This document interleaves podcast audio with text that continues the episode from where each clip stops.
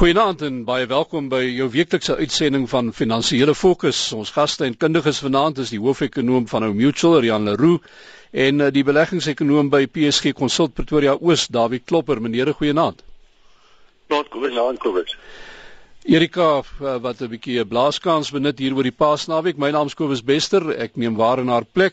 En uh, meneere, as ons kan begin met uh, ek dink die ding wat waarskynlik die grootste impak op ons mark hierdie week gehad het en dit was vroeër die week se besluit van uh, uit Amerika uit of die aanduidings dat die Amerikaners onwaarskynlik is dat hulle enigins nog hulle monetêre beleid verder gaan verslap. Kobus ja, dis heeltemal reg. Die die hele storie kom natuurlik uit die bekendmaking van die notule van hulle vorige vergadering. En hierin, jy weet, die die het dit duidelik geraak dat die Federale Reserveraad dink daar's minder van 'n noodsaaklikheid om voort te gaan met hierdie uh, geweldige pool van likwiditeit wat hulle die afgelope tyd geskep het. En die rede hoekom hulle maar dit sien is omdat daar al meer tekens is dat die ekonomie um, sterker begin herstel. Ons het natuurlik die afgelope tyd gesien dat ehm um, die arbeidsmark in die besonder uh heel wat sterker begin raak het. So die Fed kyk na die situasie en hulle sê ekonomie begin beter groei. Hy het nie meer al die geweldige uh, stimulus nodig nie. En natuurlik wat dit vir markte beteken is dat hierdie pool van likwiditeit waarop markte gedryf het die afgelope 6 uh, maande of wat uh jy weet dalk nie meer verder gaan gaan groei nie en dit het nou natuurlik 'n negatiewe uitwerking gehad in die korttermyn. Dawie Klopper Kobus, ja, ek sê die dis dat dit 'n negatiewe uitwerking gehad het. Dit volg natuurlik nadat die markte vir die afgelope seker amper 18 maande baie sterk herstel het. En 'n terugtrekking sou dan ook nie noodwendig onvanpas wees nie. Ehm um, dat almal net 'n bietjie asem skep, dit is wat markte maar baie keer doen en dan kry hulle gewoonlik 'n goeie verskoning om daardie terugtrekking in vas te haak. En dis wat nou miskien ook hier gebeur, want ek dink mens moet dan deur die stuk nuus kyk en wel sien dat die winsgewendheid van daardie maatskappye in Amerika het ook wesentlik verbeter. En dit beteken dat hulle waardasie vlakke het is steeds nie duur nie want dit is die volgende vraag wat jy moet sekerlik vra. As dit dan so is dat die markte sterk opgehardloop het het wat 'n mate het dit gemaak dat die markte nou duur is? En steeds as ek daarna kyk op op prysdienste vlak op prys tot boekwaarde vlak dan is daardie markte nog steeds nie duur geraak nie ten spyte van die feit dat die markte sterk opgehardloop het want wat skappye se winste het gestyg. So vraag wat dan seker daaraan gekoppel kan word is kan maatskappy winste steeds sterk bly en steeds verder verbeter? En ek dink op hierdie stadium lyk dit tog nog so. Ehm um, ten spyte van die feit dat hulle dan nou miskien die likwiditeit ehm um, gaan verminder of minder stimulerend optree in daardie ekonomie. Die JSE per reaksie dus uh, waarskynlik 'n bietjie van 'n oorreaksie dat ons behoort dan uh, in die loop van van volgende week nou 'n verbetering of hierdie week dan 'n verbetering te sien. Kobus, daar is ook net ander statistiek wat ook uitkom in Amerika, ehm um, soos werk um, in diensname syfers wat nou weer binnekort in hierdie dae uitkom. En dit gaan dan ook 'n uh, impak hê op die hele sentiment rondom die markte. Ehm um, gaan ons van volgende week af met beter beter vaar. Ek dink almal wil net weer 'n slag kom ons noem dit maar amper hulle somme gaan doen tot dit skerp maak en en besluit of die markte vir hulle goed of duur is. Ehm um, en as ons daar gekom het dan ehm um, kan is daar nog ruimte vir die markte om verder te beweeg. Ons mark is nie noodwendig so goedkoop soos die oorsese beurse nie. Ek dink hy is op die beste reg geprys. Rian, uh, kom ons bly by Amerika terwyl ons nou uh, oor die Fed gepraat het, uh, by dit ook um, Amerikaanse groei wat uh, waar waaroor ouens 'n paar vraagtekens ook trek op die oomblik en 'n uh, bietjie wonder. Hoe bes jy as mens nou terug en kyk na Amerika het in 2011 lê jy met so 1.7% gegroei. Ehm uh, voorspellings vir verjaar is 'n omgewing van 2.2. Nou, jy weet, dit is nie besonder sterk groei nie. Dit is eintlik maar redelik swak as mens teruggaan na die laat 90's wat gegroei het in 'n omgewing van 4% per jaar. Ehm um, en natuurlik Amerika het nog steeds strukturele probleme in die ekonomie. Ek dink in die kort termyn ehm um, begin die markte nou geleidelik meer bekommerd raak. Ehm um, hoewel die Amerikaanse ekonomie die afgelope tyd heelwat beter gedoen het en veral dan in die arbeidsmark soos ek reeds gesê het, begin die markte nou vorentoe kyk natuurlik en sê maar weet Amerika sit nog steeds met hierdie geweldige ehm um, staatsskuldprobleem. Hulle begrotingstekort is nog baie groot en dit moet aangespreek word. En ons weet natuurlik dit net maar sal moet gebeur na die presidentsverkiesing in November. Maar so sake nou staan, soos die huidige wetgewing uh daar uitsien op die oomblik, gaan Amerika in 2013 ehm um, 'n fiskale uh inkorting uh, in die gesig staan van iets soos 4.6% van BBP wat geweldig groot is en natuurlik weet die Amerikaanse ekonomie baie ernstig kan knou. Die waarskynlikheid dat dit wel sal uh, toegelaat word om te gebeur is baie skraal, maar nietemin uh, Marte begin sê Amerika moet nog hulle fiskale medisyne neem. Het dit nog nie gedoen nie en dit kom nader en dit natuurlik plaas 'n bietjie van 'n demper oor groei vooruitsigte vir Amerika in 2013 en dit uiteraard jy weet gaan natuurlik uh, 'n uh, fokus raak van markte dink ek soos die volgende paar maande verloop. Wat sê dit vir beleggers hier plaaslik daarmee?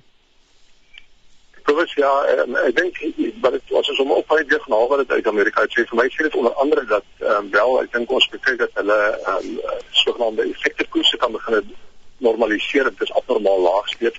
So as jy dit uitskryf as reël en dan nou daar beskryf dan kan ek sê dat hierdie koerse gaan styg daar? En as die koerse daai kan styg dan beteken ons gaan ook nou moet verwag dat ons effekte koerse gaan begin styg.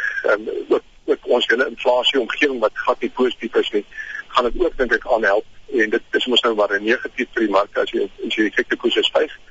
Ehm um, en dan bly dit die vraag wat ek vra as jy nie almal kan stem en werk saam met die vraag vra nie maar as dit dan so is dat daardie mark of daardie ehm um, waterklas nie goed lyk nie dan vra jy vraag of maar is daar iets anders wat beter lyk?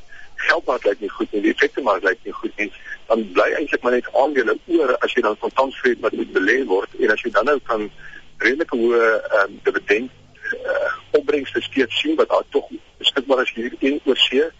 Ehm um, kan jy in daardie dividend opbrengste gaan inbelê vir alles jy dink dat die winste gaan wegval nie. Al bly dit al styg dit nie wesentlik verder nie. As dit net nie wegval nie, dan is daardie dividend opbrengste baie aantreklik.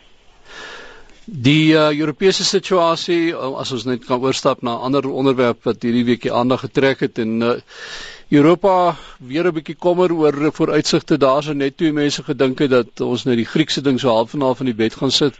Ehm um, is daar nou kommer wat elders ook begin opvlam. Kobus ja, ehm um, ons het natuurlik maar deurlopend die kommer gehad oor Portugal. Ehm um, wat sit met ehm um, baie swak ekonomie en jy weet ook maar verskeie probleme maar die afgelope week of wat was die fokus weer terug op Spanje gewees. Nou Spanje, jy weet net om 'n vinnige oorsig te gee, sit met 'n ehm um, 'n baie groot ehm um, vlak van staatsskuld. Hulle ekonomie is in 'n diep resessie. Het verlede jaar met met so ehm um, 7% gegroei en vir jaar gaan hulle waarskynlik met so 1.5% krimp en volgende jaar weer. Ehm um, en die Spaanse eerste minister die afgelope week gesê dat hulle ehm um, in 'n baie baie moeilike situasie is. En ons het veral gesien dat Spanje het hierdie week uh, effekte uitgifte gehad. Hulle het beplan om iets tussen 2.5 biljoen en 3.5 biljoen euro se effekte uit te gee. En hulle het by ouens met 2.59 weggekom, so net bietjie meer as die as die minimum.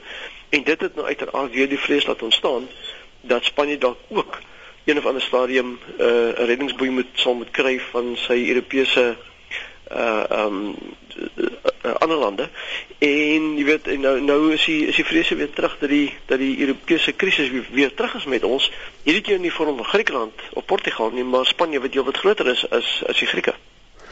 Wat wat is die dis jammer Kobus. Dit is dis 'n groot negatief natuurlik as Spanje in hierdie situasie inbeland. Veral as dit as 'n tipe van 'n skok vir die mark te kom. Dit is die gewone ding as hy gesien word se nie te erg nie as hy se skop kom as as 'n ja, as 'n onverwagse gebeurtenis kom, dan kan dit baie negatief wees. Maar die ding wat ek net aan die ander kant van dit sien, dit was ook die jongste dag wat sien, is die dollar wat aan die verstewig is weer of eintlik aan die eer wat weer in verswak is teen die dollar.